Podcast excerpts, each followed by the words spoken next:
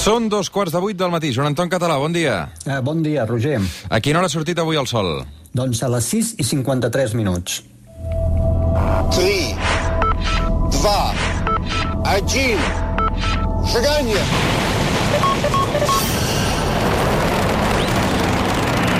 One small step for man, one giant leap for mankind. Joan Anton Català, com estàs? Doncs bé, relativament bé. He dormit poc, però bé. Has bé. dormit poc perquè ahir vas anar al fax de TV3, et van veure?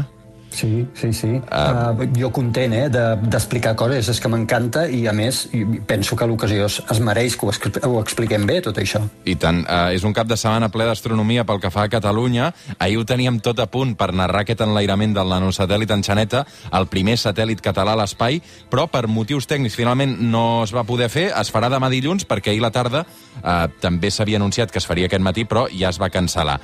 Què ha passat exactament perquè tot això s'hagi hagut de posposar fins a 48 hores, Joan Anton? Val, eh, potser el primer concepte, el més important, és entendre que això de l'espai, i nosaltres ho hem comentat moltes vegades aquí al programa, és un esport de risc, en el sentit que eh, és tecnologia punta, poden fallar molts components. Llavors hi ha unes rutines molt estrictes de comprovació. Qualsevol operador que enlairi ginys doncs, té una, aquestes rutines de comprovació que es, es fan durant, durant hores. I una d'aquestes rutines, ahir, a la companyia que era l'encarregada d'operar el coet Soyuz que havia d'enlairar en Xaneta i 37 ginys més d'altres països, eh, no va passar un test, és dir, van trobar un problema en un component, immediatament van aturar, quan faltaven més o menys 20 minuts per l'enlairament, van aturar tota l'operació. En aquell moment la van programar, com ara deies, la van programar per avui. Però què passa? Que després la comissió d'experts que va analitzar aquesta, aquest test que havia fallat eh, va comprovar que havien resolt el problema, fos quin fos, no han donat gaires detalls del problema. No problema sabem quin era el problema, no? Sabem que és un problema tècnic, però no sabem quin. Segurament de sobrecàrrega, però això ja, ja ho dic jo perquè jo he anat investigant difer, diverses fonts, però que no són fonts oficials, cap Mhm. d'elles, però sí que sembla que podria ser una petita sobrecàrrega en algun component. És dir, res greu, res greu. El que sí que sembla clar és que van solucionar el problema, però que els tècnics van aconsellar, per precaució, avui no enlairar i tornar a fer totes les bateries de prova com si realment enlairessin, tornar-les a fer totes i enlairar demà. Llavors, aquest és el tema. Jo t'haig de dir, Roger, que, que ho trobo bé. És dir, tenint en compte la de diners que hi ha, ja et dic, no només l'enxaneta, que hi ha 38 satèl·lits en total de molts països, eh, les il·lusions que hi ha al darrere de moltíssima gent que hi han treballat, eh, què menys que demanar-li al teu proveïdor al qual estàs pagant un enlairament que se n'asseguri fins l'últim moment i que si no pot enlairar o té dubtes de que el coet pogués fallar, doncs endarrereixi 24 o 48 hores o les que faci falta. Clar.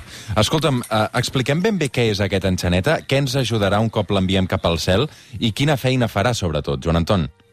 Molt bé, d'entrada el nom, que és aquest a l'enxaneta, sabem que el van triar eh, en un concurs organitzat mm. pel canal Super 3, Infocà, eh, nenes i nens de tot el territori. Aquest satèl·lit en diem un nanosatèl·lit. Nanosatèl·lit vol dir, després donarem, si vols, més detalls, és un, un giny petit i eh, forma part de l'estratègia aquesta del New Space, que ara s'anomena i que la Generalitat hi ha llançat també una estratègia, va definir una estratègia molt concreta, que servirà per activar un sector de mercat, un nou, un nou sector de mercat. En concret, aquest satèl·lit ens permetrà recollir dades que després es podran explotar per part de... Inicialment ho explotarà l'administració pública, però més endavant aquestes dades i altres es poden explotar a companyies, eh, doncs eh, dades respecte, per exemple, a, a conreus, dades a estacions meteorològiques que estan en llocs remots de difícil accés, també els nivells de rius o d'embassaments. És dir, moltes dades que hi ha sensors arreu del territori que recolliran aquestes dades, però clar, aquests sensors necessiten consolidar, enviar aquestes dades d'algun lloc i serà l'enxaneta que les pugui recollir i les pugui, diríem, tornar a baixar a les estacions de seguiment perquè aquestes dades es tractin, hi hagi aplicacions que les tractin. Mm. Aquest és el primer dels nanosatèl·lits de la Generalitat que s'enviarà a l'espai, però n'hi ha dos, no? N'hi haurà un altre ben aviat. Sí, aqu- aquest és de Sateliot. Sateliot és la companyia propietària que va ser l'adjudicatària del, primer, de la primera, de, del concurs, de la primera licitació, i n'hi haurà un altre, que és d'Open Cosmos, que s'enlairarà, crec que és l'any que ve, eh, en una missió diferent, en un objectiu diferent. Així com el, el d'ara, l'enxanet, el de satèl·lit, el, com et deia, és recollir dades de sensors i després poder-los baixar perquè hi hagi aplicacions que en facin ús, el que farà el, el d'Open Cosmos, aquest segon, serà d'observació de la Terra. És dir, més aviat serà d'observar eh, com varien, per exemple, com varia el nostre territori, com varien les uh, superfícies urbanes, com varien les superfícies de conreu, també, per tant, molt relacionat amb el canvi climàtic, és a dir, com varien els nivells dels oceans. Eh? Serà més aviat un satèl·lit d'observació. Uh -huh. uh, és aquest coet Soyuz el que ha d'enviar aquest uh, nanosatèl·lit català juntament amb 37 uh, satèl·lits més de diferents parts del, del món. Com és de mida aquesta enxaneta? Perquè crec que té la mida d'una capsa de sabates, no? Quines característiques té? Quan pesa? Com de gran és? Uh, quina temperatura ha d'estar? Sí, és molt petit, per això n'anomenem nanosatèl·lits, vindria a ser una capsa de sabates una mica gran. Els nanosatèl·lits normalment els, els mesurem en el que en diem unitats. Eh, les unitats són com petits cubs i aquest té tres unitats. Té, són tres petitets cubs enganxats i el, el que és més interessant de saber d'aquests nanosatèl·lits és que sent tan petits com que per tant són molt barats de fabricar i d'enlairar, poden estar farcits, i de fet estan farcits, de la tira de tecnologia. És increïble la quantitat de tecnologia que podem encabir dins d'aquests nanosatèl·lits. Per això en diem nanosatèl·lits, són molt petits, però sobretot també són molt barats d'operar, de fabricar i d'enlairar. On l'enviem? Perquè sí, l'enviem cap al cel, però a quina distància de la Terra és i què farà? Uh, volta al, al voltant de, de la Terra per captar totes aquestes dades? Quina funció farà? Sí, l'enviem en òrbita baixa de la Terra. L'òrbita baixa de la Terra eh, és un rang molt ampli, també n'havíem parlat alguna vegada. En concret, aquest satèl·lit el posarem més o menys, més o menys, eh, a uns 500 quilòmetres d'alçada. Això el que permet aquesta òrbita baixa és que hi pugui haver comunicació directa amb els sensors que abans explicava. Aquests sensors que aniran recollint dades, clar, necessiten tenir visió del satèl·lit per poder-li enviar les dades. Si el satèl·lit l'enviéssim en òrbites molt altes, com per exemple tenim els satèl·lits eh, geoestacionaris o alguns meteorològics, no, eh, un petit sensor no tindria la capacitat, la potència per poder-li enviar en aquest satèl·lit les dades. En aquesta òrbita que tindrà, Enxaneta passarà més o menys uns dos cops al dia per sobre del territori català. Vol dir que un determinat sensor que li vulgui enviar dades el veurà més o menys dos cops al dia i durant aquest, aquesta estona que el veu, que, el, que diríem el, el satèl·lit va passant, li enviarà, li enviarà aquestes dades. Mm. La idea no sé si és seguir el patró d'Elon Musk eh, que vol crear una constel·lació de satèl·lits en òrbita baixa. Va una mica per aquí la cosa o no? Sí, sí. Eh, no serà una mega constel·lació. Ja sabem que Elon Musk eh, tot el que fa ho fa al, a lo gran, i llavors mm -hmm. l'Elon Musk està parlant de desenes de milers de, de nanosatèl·lits, en el seu cas, que són els famosos Starlink. Uh, en aquest cas no estem parlant d'això, però sí que estem parlant d'una constel·lació, és dir, d'un conjunt de satèl·lits. I això ha de ser així, i ara només enlairem l'enxaneta, però et deia, això ha de ser així perquè, com deia, només passarà eh, l'enxaneta dos cops eh, pel, eh, per sobre el territori català. Vol dir que hi ha un moment que el perds de vista, el sensor no li pot eh, pujar dades en aquest satèl·lit. Si realment es volen tenir aplicacions comercials que tinguin utilitat per tots nosaltres, que puguin constantment pujar dades i aquestes dades es puguin tractar per donar serveis a la població, necessitem que sempre hi hagi un satèl·lit visible, que sempre els sensors trobin sobre del cel un satèl·lit d'aquesta constel·lació que està passant a la qual li puguin aixecar aquestes dades. I això són les constel·lacions. Per això n'enlairem més d'un per construir aquestes xarxes. Llavors, sempre en tens un que va passant en el qual li pots pujar dades. Som al suplement, som a Catalunya Ràdio, això que sona és la Terra Esplana, cada diumenge a l'hora que surt el sol mirem cap al cel. Avui cap un cel més català que mai, parlant de l'enxaneta. Joan Anton, hem sentit molt a parlar també aquestes últimes hores de l'internet de les coses, no? que aquest satèl·lit eh, ajudarà a implementar o a portar eh, beneficis a l'internet de les coses. Això exactament què vol dir?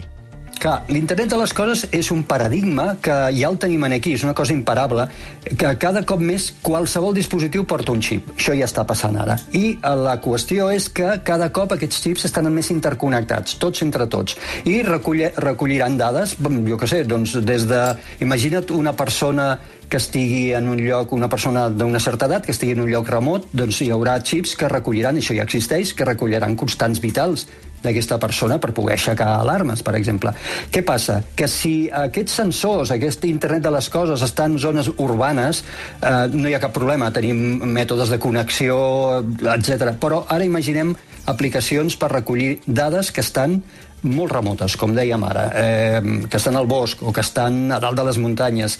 A l'internet de les coses, perquè pugui funcionar, perquè puguem tenir aquesta interconnexió de dades, necessitarem aquests satèl·lits, que són els que faran que realment a l'internet de les coses funcioni en independència d'on estiguis. Mm. Tant si estàs en una ciutat amb cobertures completes de comunicació o estàs en zones remotes, perquè sempre podràs, aquest sensor sempre podrà pujar aquestes dades.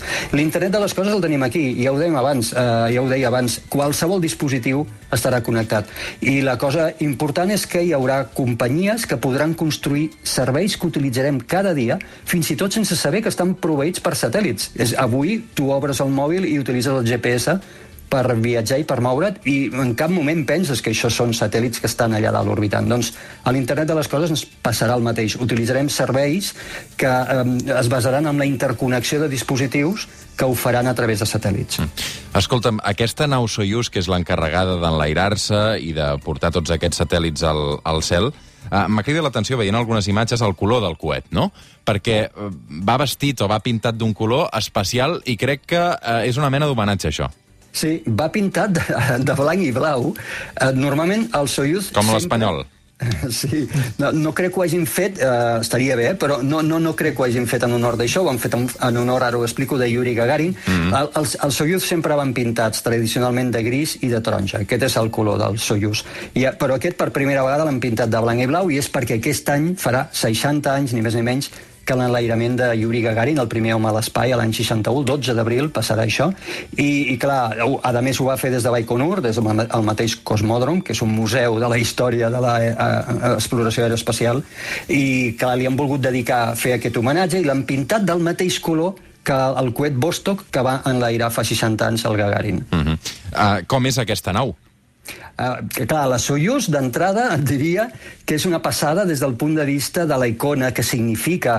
Uh, és una, el coet del que ara estem parlant, que enlairarà l'enxaneta, és un Soyuz 2, és un model, evidentment, molt evolucionat i modern, però uh, els primers coets Soyuz es remunten a quan la carrera espacial, a quan la cursa espacial que estaven competint els Estats Units i la Unió Soviètica d'aquell moment, i el disseny original del Soyuz, en les seves mo modificacions per fer-lo modern, ha sobreviscut i ha arribat ara en uns coets que són eh, una eficàcia increïble. Estem parlant de sobre, per sobre del 95% d'eficàcia d'aquests coets. És un coet gran, per fases, eh, té una forma, de més, molt bonica estèticament, perquè porta uns coets laterals, quatre coets laterals, és molt fàcilment, es reconeix molt, molt fàcilment, i tot això ho va dissenyar el famós Sergei Korolev, que és aquest gran mestre, que n'hem parlat alguna vegada, que era el pare de l'aeronàutica eh, soviètica i que en el moment en què ell va morir allà es va acabar, diríem, la competició que tenien als Estats Units. Mm. Avui amb el Joan Anton Català recuperant aquesta enxaneta que encara s'ha d'enlairar en aquest Soyuz que fa un homenatge a Yuri Gagarin. This is Moscow. This is Moscow calling.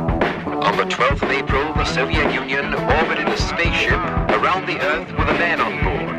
The astronaut is a Soviet citizen, Major Gagarin Yuri Alexeyevich.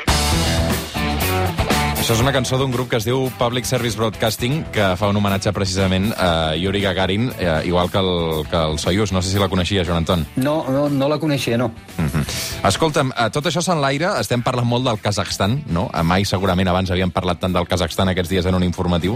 Uh, s'enlaira des d'una base espacial a Baikonur, no? Per què des d'allà? Uh, hi ha moltes raons històriques que, que Kazakhstan era territori de la URSS en moment que existia la URSS. A més, Kazakhstan està, prop, està molt, més, molt més a prop de l'Equador que altres bases d'enlairament russes. Això sempre és bo quan enlairem coets, perquè aprofitem la rotació de la Terra, aprofitem la velocitat de rotació de la Terra, eh, aquesta inèrcia o aquest impuls, per, a, per agafar més velocitat en els coets. Fixa-t'hi Florida, eh, que està més cap avall, la Guaiana francesa, que és des d'on enlaira l'Agència la, Espacial Europea, i això, Baikonur. Què passa? Que quan això era la URSS, doncs cap problema. Però, clar, ara això és Kazakhstan. I això jo penso que és un problema greu estratègic que té Rússia. Rússia en aquest moment, la seva gran base d'enlairament, com ara veiem, la té en territori que no és rus té aquesta base eh, llogada fins l'any 2050, però eh, s'hauran d'espavilar. De fet, Rússia té altres bases en territori propi. Rus són bases militars, bàsicament, i alguna d'elles també de satèl·lits, però cap d'elles tan ben situada, en tanta història al darrere i tant, tant equipament tan ben preparada com aquesta de Baikonur, des d'on s'enlairarà Enxaneta, però també des d'on s'estan enlairant les tripulacions eh, d'astronautes que pugen a l'Estació Espacial Internacional. Sí, perquè ja sabem que tot el que té a veure amb l'astronomia i el cel també hi ha molt de geopolítica aquí, no, Joan Anton? Clar, clar, eh, és això, no? Jo no estaria gaire tranquil de tenir en mans d'un altre país, per molt bones relacions que pugui tenir amb ell, però tenir el, la meva principal base de llançament des d'on on l'aerosatèl·lits i tripulacions, això, tenir-ho en mans d'un altre, altre país. Aquí Rússia s'haurà d'espavilar. De fet, ja et deia, tenen altres bases en territori propi, des, de la qual, des dels quals també estan fent coses, moltes d'elles militars. El que passa que hi ha un, no tenen el mateix rècord eh, de fiabilitat i de història que s'ha pogut tenir des de Baikonur, per exemple, hi ha un cosmòdrom molt famós en territori rus que es diu el de Plesets, que té molt mala fama. Hi ha hagut molts accidents eh, històrics, accidents gravíssims, eh, amb, amb 50 persones mortes. Estem parlant d'explosions que maten 50 persones de cop, a l'instant, per una explosió d'un coet l'any 1980. Mm. Uh, per tant, Baikonur, és, a més, és una icona, és un símbol. Mm, és des d'on es va enlairar l'Sputnik 1, el primer giny mm. a l'espai el 57, ara ho dèiem, Gagarin. Tot, tot, tota la història de la Unió Soviètica i molta de la història de la humanitat després, quan ja ho vam fer conjuntament, ha, ha, ha succeït allà, a Baikonur. Ara ho estàvem explicant, tot això és evident que té un component important per l'exploració espacial catalana, eh, perquè hem sentit que l'Agència Espacial Catalana serà com una mena de NASA catalana. I això no és ben bé així perquè també hi ha hagut molta broma i se n'han fotut bastant, eh? Sí, Sí, jo, jo crec que això ha, ha fet mal, ha fet mal això de la NASA catalana. Aquí no estem parlant d'exploració de l'espai, això no va, no té res a veure amb una NASA ni, ni amb una agència espacial europea, no anem a explorar l'espai i molt menys anem a enviar astronautes. Això, com hem dit, anem a posar una sèrie de satèl·lits en òrbita per poder, eh, diríem, impulsar el sector, les empreses que vulguin eh, fer negoci en funció de dades que hi hagi i que els ciutadans puguem utilitzar aquestes dades, que puguem tenir serveis. Per tant, el que, el que estem creant és una plataforma de serveis. Estem impulsant una nova economia, que és aquesta que dèiem de la New Space. I això no ho fan les agències, la NASA i la ESA. És dir, nosaltres no som la NASA, però és que la NASA tampoc és això, o l'Agència Espacial tampoc és això. Ells sí que es dediquen a l'explosió de l'espai, però no es dediquen a crear plataformes de negoci, plataformes de servei, per impulsar doncs això, els serveis, la tecnologia, la innovació amb els països. I això és el que Catalunya entén que està, estem donant el primer pas.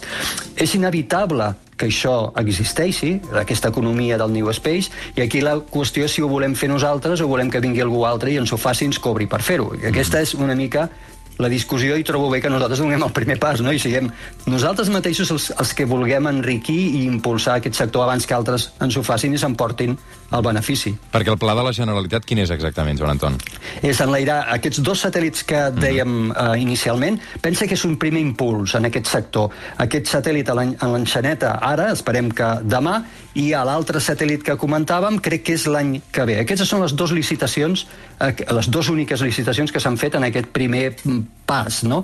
que fa aquest projecte que té el govern de la Generalitat. Però això haurà de tenir continuïtat. Com dèiem abans, haurem d'enlairar més nanosatèl·lits si volem tenir cobertures eh, constants i això anirà més endavant tal com anem construint serveis i com hi hagi consum d'aquests serveis. Per tant, el que ara entenc que s'està fent és donar un primer pas, impulsar el sector, donar-li una mica d'empenta perquè el sector comenci a funcionar. Demà serà la bona o pot tornar a passar que es vagi plaçant la cosa?